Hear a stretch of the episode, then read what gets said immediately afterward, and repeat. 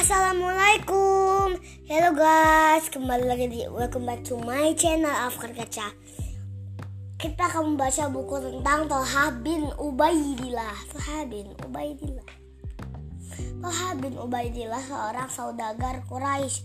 Ia seorang yang cerdik dan punya kelebihan dalam strategi berdagang. Toha Toha memeluk Islam lewat perantara Abu Bakar As-Siddiq. Belum sebelum masuk Islam, Talha bertemu seorang pendeta di Syam. Pendeta itu mengabarkan tentang kedatangan Rasul terakhir. Pendeta itu menyuruh Talha segera menemui Ahmad bin Abdullah. Rasul terakhir itu perkataan pendeta itu membekas di hati Talha yang bergegas kembali ke Mekah. Setibanya di Mekah, keluarga Tolha menceritakan sebuah peristiwa ada seseorang bernama Muhammad bin Abdullah yang mengaku sebagai rasul terakhir. Ia juga mengetahui bahwa Abu Bakar, teman baiknya, telah mempercayai dan mengikuti ajaran yang dibawa Muhammad. Toha segera menemui Abu Bakar dan menanyakan mengenai berita tersebut. Toha juga menceritakan pertemuannya dengan pendeta di negeri Syam. Abu Bakar lalu mengajak Tolha menemui Rasulullah di hadapan Rasulullah. Tolha mengucapkan syahadat. Tolha merupakan salah seorang dari delapan orang yang pertama masuk Islam.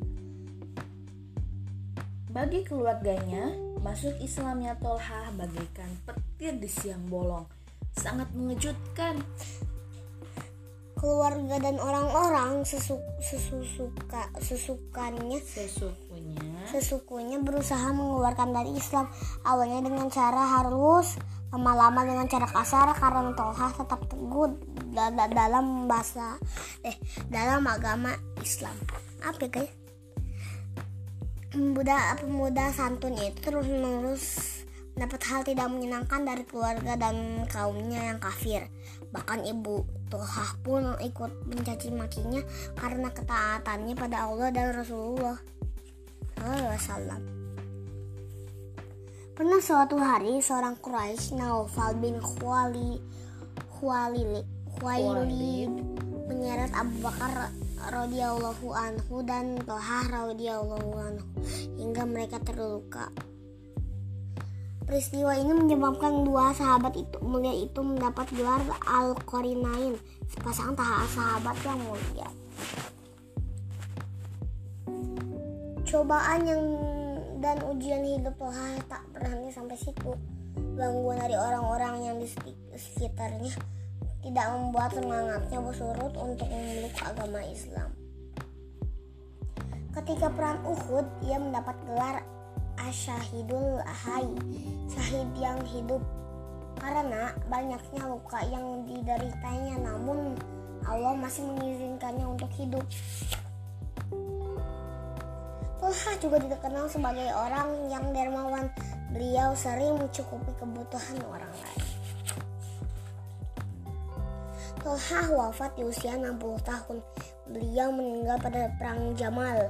Tolha radhiyallahu anhu gugur sebagai orang syahid selama hidupnya.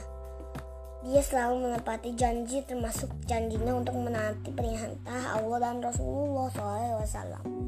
Rasulullah Muhammad SAW menyatakan tentang Tuhan dan dalam sebuah hadis Abu Bakar di surga, Umar di surga, Utsman di surga, Ali di surga, Tolha di surga, di surga, Azubair di surga, Sa'ad di surga, di surga, Sa'id di surga, Abdurrahman bin Auf di surga, Abu Ubaidah bin Al Jarrah di surga, HR At-Tirmizi. Tamat ya guys.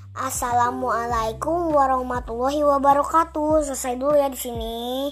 Nanti kita lanjut lagi dengan nanti kita bikin podcast lagi ya guys. Bye bye. Assalamualaikum.